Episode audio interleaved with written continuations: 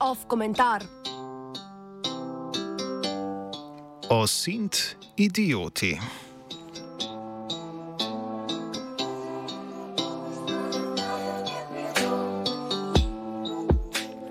Vojna v Ukrajini je bolj kot katerikoli prejšnji konflikt dala zagon OSINT ali Open Source Intelligence spletnim računom, ki javno dostopne podatke, slike in posnetke prek raznih socialnih omrežij prenašajo sledilcem in širši javnosti.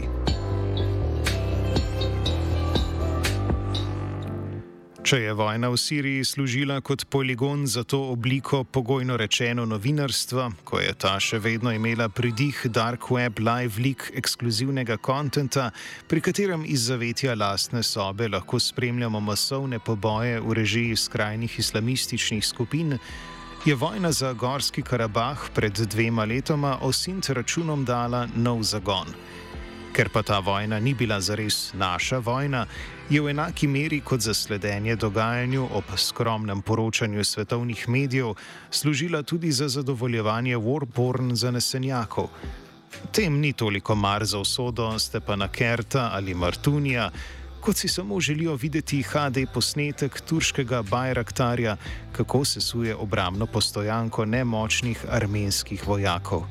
Guilty!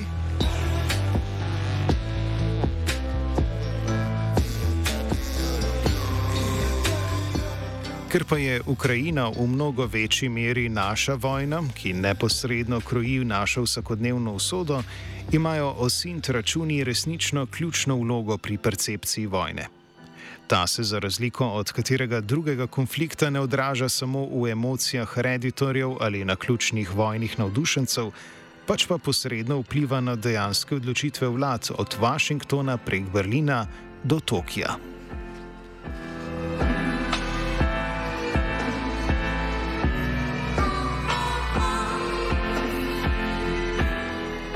Ni skrivnost, da ameriški intelligence crowd, vsaj tisti, ki ne operira z uradnimi podatki Centralne obveščevalne agencije, krajše CIA in ostalih sorodnih služb, svojo percepcijo vojne v nezanemrljivi meri naslanja ravno na osint račune na Twitterju ali Telegramu.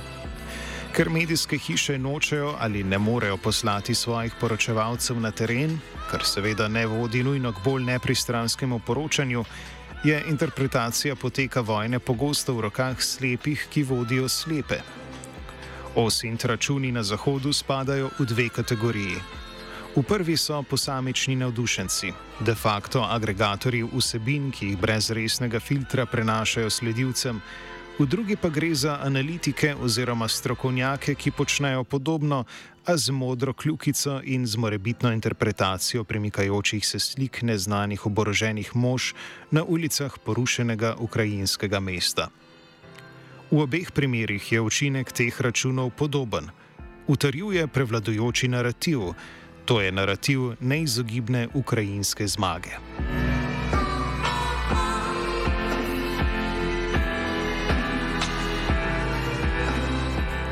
Anonimen Twitteraš, ki si lasti enega od teh računov, z javnostjo deli, kar mu je dostopno.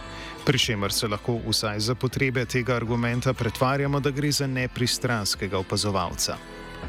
Dejstvo jezikovne barijere in dostopnosti oziroma nedostopnosti določenih materialov bo takega opazovalca praviloma vodilo k po objavljanju posnetkov, ki so mu na dosegu roke.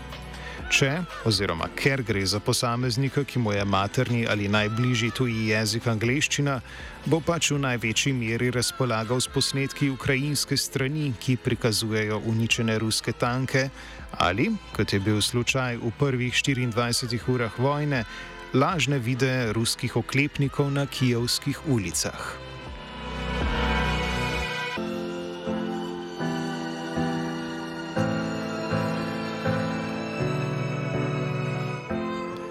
Tudi ko dobimo videe z druge strani, jih modro kljukaši na Twitterju pospremijo s kontekstom.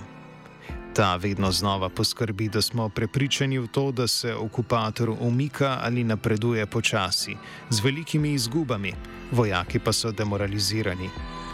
Medijski mok o ukrajinskih izgubah je od februarja dalje zelo glasen. Tihi konsens vlad in medijev, da se o žrtvah ukrajinske strani preprosto ne poroča in ne sprašuje, ima zelo resničen učinek. Ustvarja zmotno prepričanje o tem, da okupator izgublja mnogo bolj kot branilci. Zgodovina nas namreč uči, da vojne vedno dobivajo good guysi, kaj ne?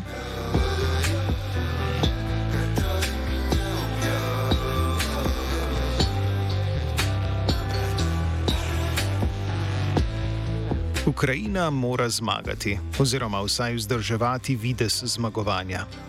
Tega se dobro zavedajo tudi v Kijevu, ki nedvomno zmaguje propagandno vojno in jo je zmagoval tudi v času, ko so bile razmere na bojišču bistveno manj v njihov prid kot sedaj. Dokler ta podoba ukrajinske vojske drži, bo držala tudi podpora zahodnih zaveznic, ki so namenile velike zaloge lastnega orožja za pomoč napadeni zaveznici. Tragedija ukrajinskega naroda je samo nujna žrtev v večji zgodbi uničenja Putina, Rusije in njenega gospodarstva. Dodatno oboroževanje Kijeva, ki naj bi deklarativno služilo za vzpostavitev ravnotežja na bojišču, je očitno doseglo deklarativni namen. A potiska v smeri diplomatskih rešitev, ki so bile obljubljene, kljub temu ni. Namesto tega se Evropa vse bolj poglablja v konflikt z Rusijo, ki mu ni videti konca.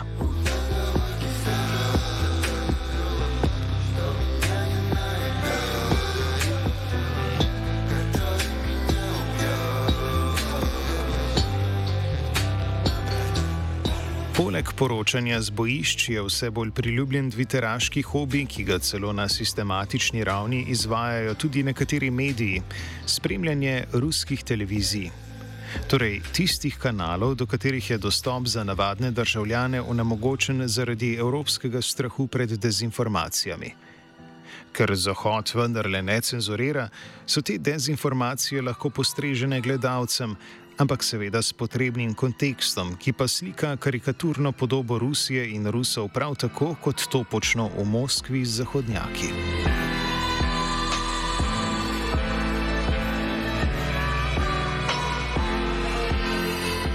Serijsko spremljanje ruskih pogovornih oddaj nima namena predstavitve nasprotnih stališč ali podajanja poglobljenega razumevanja ruske družbe, pač pa gre za tekmovanje pri iskanju najbolj absurdne izjave vsakodnevnih gostov.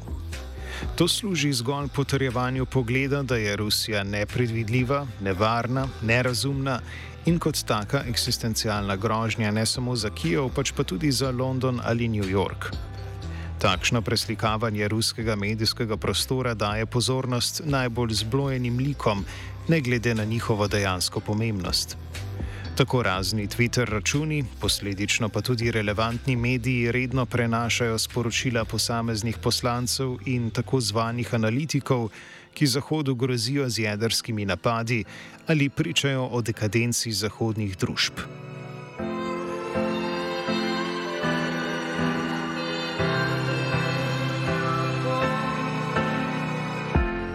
Da razumemo absurdnost takšnega početja, velja pogledati v bližnjo državo, kjer je oblast prav tako ugrabila osrednje medije. To je Srbija. Če bi želeli naslikati sliko monstruozne belgrajske oblasti, ki jo vodi nekdani radikal in podpornik genocidnih politik Aleksandar Vučić, bi bilo dovolj prenašati izseke iz razno raznih nastopov njegovih zaveznikov, poslancev, ideologov ali kar ministrov, ki so jih polna usta sovražnosti do Albancev, beri šiptarjev in Hrvatov, beri ustašev, ali po drugi strani ljubezni do Rusov in Kitajcev. V državi z močnim voditeljem, kot so to Putin ali Vučić, se medije in koristne idiote blizu oblasti uporablja za ustvarjanje narativov, ki so, če tudi nedvomno škodljivi za družbo, samo narativi. Ne bodite o sind idioti.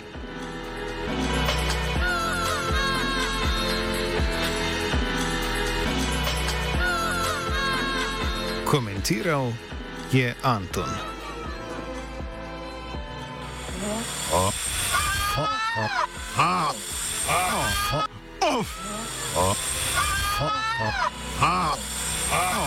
Off komentar.